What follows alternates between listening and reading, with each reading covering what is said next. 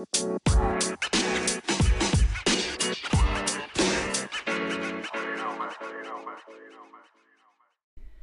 gedrag kan jij bij jezelf merken wanneer jij gestrest bent? Daar gaan we het vandaag over hebben. Welkom bij de Herstellen van Burnout podcast. Mijn naam is Evelien Aarten en vandaag zijn we alweer beland bij het vierde onderwerp over de stresssignalen. De eerste ging over de lichamelijke stresssignalen die je kan opmerken bij stressklachten.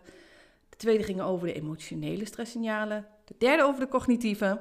En vandaag gaan we het hebben over het gedrag. Want al die drie dingen, hè, de lichamelijke kenmerken, hè, je, je stresssysteem werkt niet goed, dus je merkt dat je veel lichamelijke klachten kan gaan ontwikkelen. Um, dus ook die emotionele klachten die je kan krijgen, hè, de, de, de angst, onzekerheden.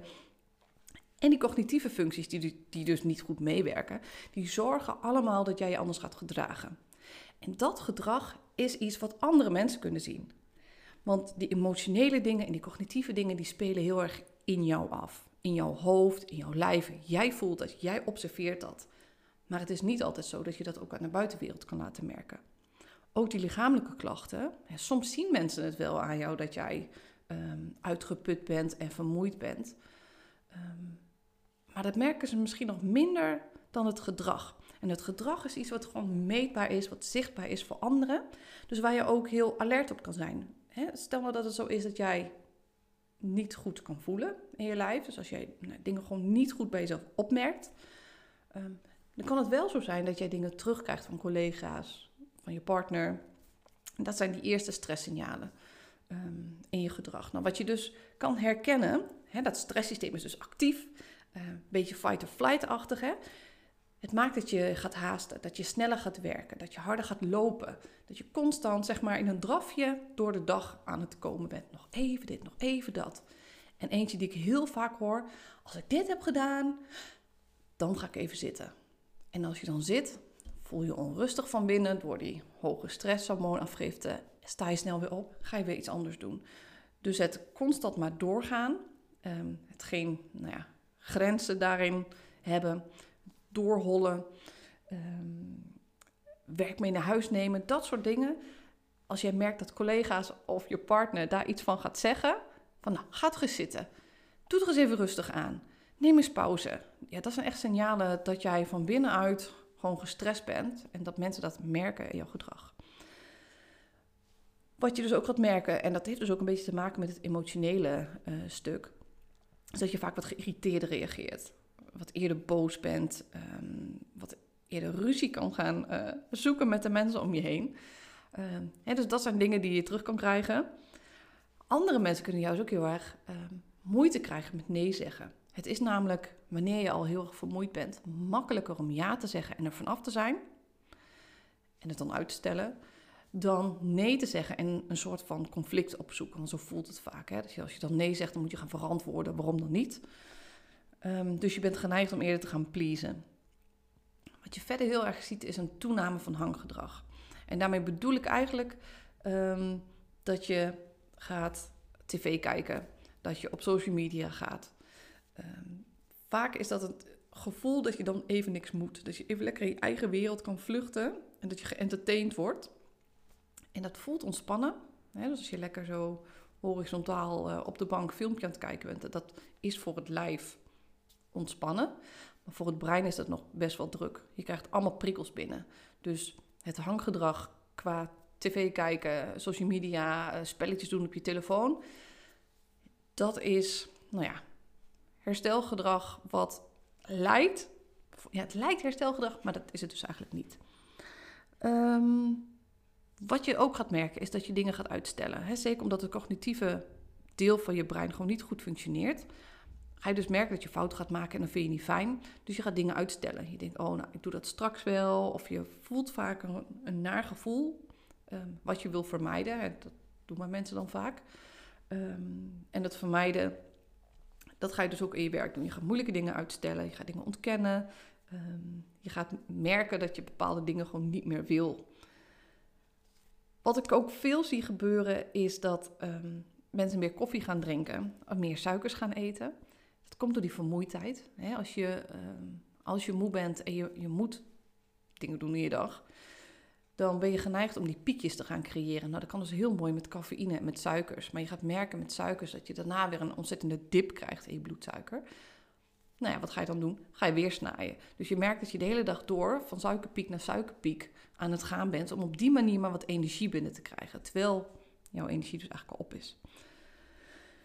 Ehm, dan is er nog het sociale aspect. Ehm, wat je misschien zelf ook wel merkt, zeker als je nu uh, met de burn-out thuis zit, dat je geen mensen om je heen wil hebben. Geen sociale interacties. Um, en dat zijn dus ook stresssignalen die je misschien al een aantal maanden geleden opmerkte, dat je niet naar verjaardagen wil gaan. Omdat je gewoon die prikkels allemaal niet aan kan. Um, en je op die manier jezelf gaat beschermen. dus niet meer willen afspreken met mensen. Uh, geen, geen, activiteiten meer ondernemen. nou ja, een beetje je, je terugtrekken uh, sociaal gezien. Nou, ik denk dat dit wel de meest voorkomende gedragskenmerken zijn. Dus merk jij dat je partner of vrienden of mensen in je omgeving jou teruggeven van... Nou, je bent elke keer weer bezig, hè? Doe er eens rustig aan. Of ga er eens met ons mee, je doet ook geen leuke dingen meer. of dat je ziet, nee, je kan op je telefoon kijken hoeveel uur jij op je telefoon zit. Als jij ziet dat dat op, uit de klauwen loopt, ja, dan is dat een signaal voor jezelf... om eens even goed naar je, naar je lijf te gaan luisteren. En als je die dingen herkent en als je ervoor open staat, ja, dan kan je hopelijk op tijd de tij keren. Um, nou ja, en de meeste mensen die deze podcast luisteren, die zitten nu thuis met een burn-out. Weet dus dat dit gedrag, um, nou ja, dat dat nog steeds aangeeft dat jij veel last hebt van die stressklachten. Um, en weet dus ook dat dit straks, als je eenmaal hersteld bent, dat dit signalen zijn waar je op moet letten. Op al die vierde gebieden, lichamelijk, emotioneel, cognitief, maar ook qua gedrag. Er zijn heel erg veel um, signalen die jou eigenlijk al hadden kunnen opvallen. Nou, nu weet ik dat heel veel mensen ook um, uitvallen met burn-out, omdat ze gewoon te veel op hun bordje krijgen. Hè? Denk aan mantelzorg, kinderen, um, nou ja, te veel op je bordje. en misschien heb je dan nog wel wat signalen gemerkt, maar nooit serieus genoeg genomen. Elke keer doorgegaan, streng voor jezelf zijn. Ehm, en nu kan het dan niet meer anders. Nu, nu moet je wel ziek melden. En uh, ja, kan het soms echt nog wel een jaar duren voordat het herstel weer een beetje echt gaat doorzetten. Dat wil je natuurlijk niet. En dat wil je natuurlijk ook nooit meer meemaken. Dus dit soort um, kenmerken, ja, ga ze van jezelf zien. Ga opletten bij jezelf. Hè? Dus verlies jezelf niet in Netflix, social media en alleen maar met andere mensen bezig zijn. Maar durf stilte tijd in te lassen. Gewoon op de bank te zitten in stilte. En eens te voelen hoe voelt mijn lijf eigenlijk van binnen? Heb ik last van hartkloppingen of heb ik geen zin om met mensen af te spreken? Dat soort signalen moet je bij jezelf leren voelen. En dat zijn geen fijne gevoelens. En ik denk dat dat een van de ehm, grootste inzichten uh, zou kunnen zijn. Dat het dus ook niet altijd fijn hoeft te zijn. Je hoeft niet altijd prettig te voelen. Um, ook dat hoort bij het leven. Uh, en je hoeft ook echt geen geluk na te streven. Maar um, streef in ieder geval gezondheid na. Want vanuit gezondheid, ja, dat is een klein opstapje naar veel meer geluk, geluksmomenten. Hè? Want het grote geluk, ja, dat, je kan nooit altijd gelukkig zijn. Dus streef altijd naar in het hier en nu, naar fijne kleine momentjes. Maar ook die nare momenten horen erbij. En dat kan je gewoon niet altijd vermijden. Dus als je daarbij durft te zijn en bij durft te blijven. Dus als je merkt, ik maak nu fouten in mijn werk. In plaats van dingen gelijk te gaan oplossen. Dat je dan ook kan kijken, hoe, hoe komt het nou? Uh, het werkt gewoon niet, het lukt niet. Ik doe wel mijn best, maar het lukt niet. Goh, wat heb ik dan nodig? Weet je wel, dat je op een andere manier uh, naar onprettige gevoelens en situaties gaat kijken. Nou, dit was even een zijspoortje. Um, ik ga hem afronden. Dit waren de vier uh, afleveringen over de stresssignalen die je bij jezelf kan opmerken.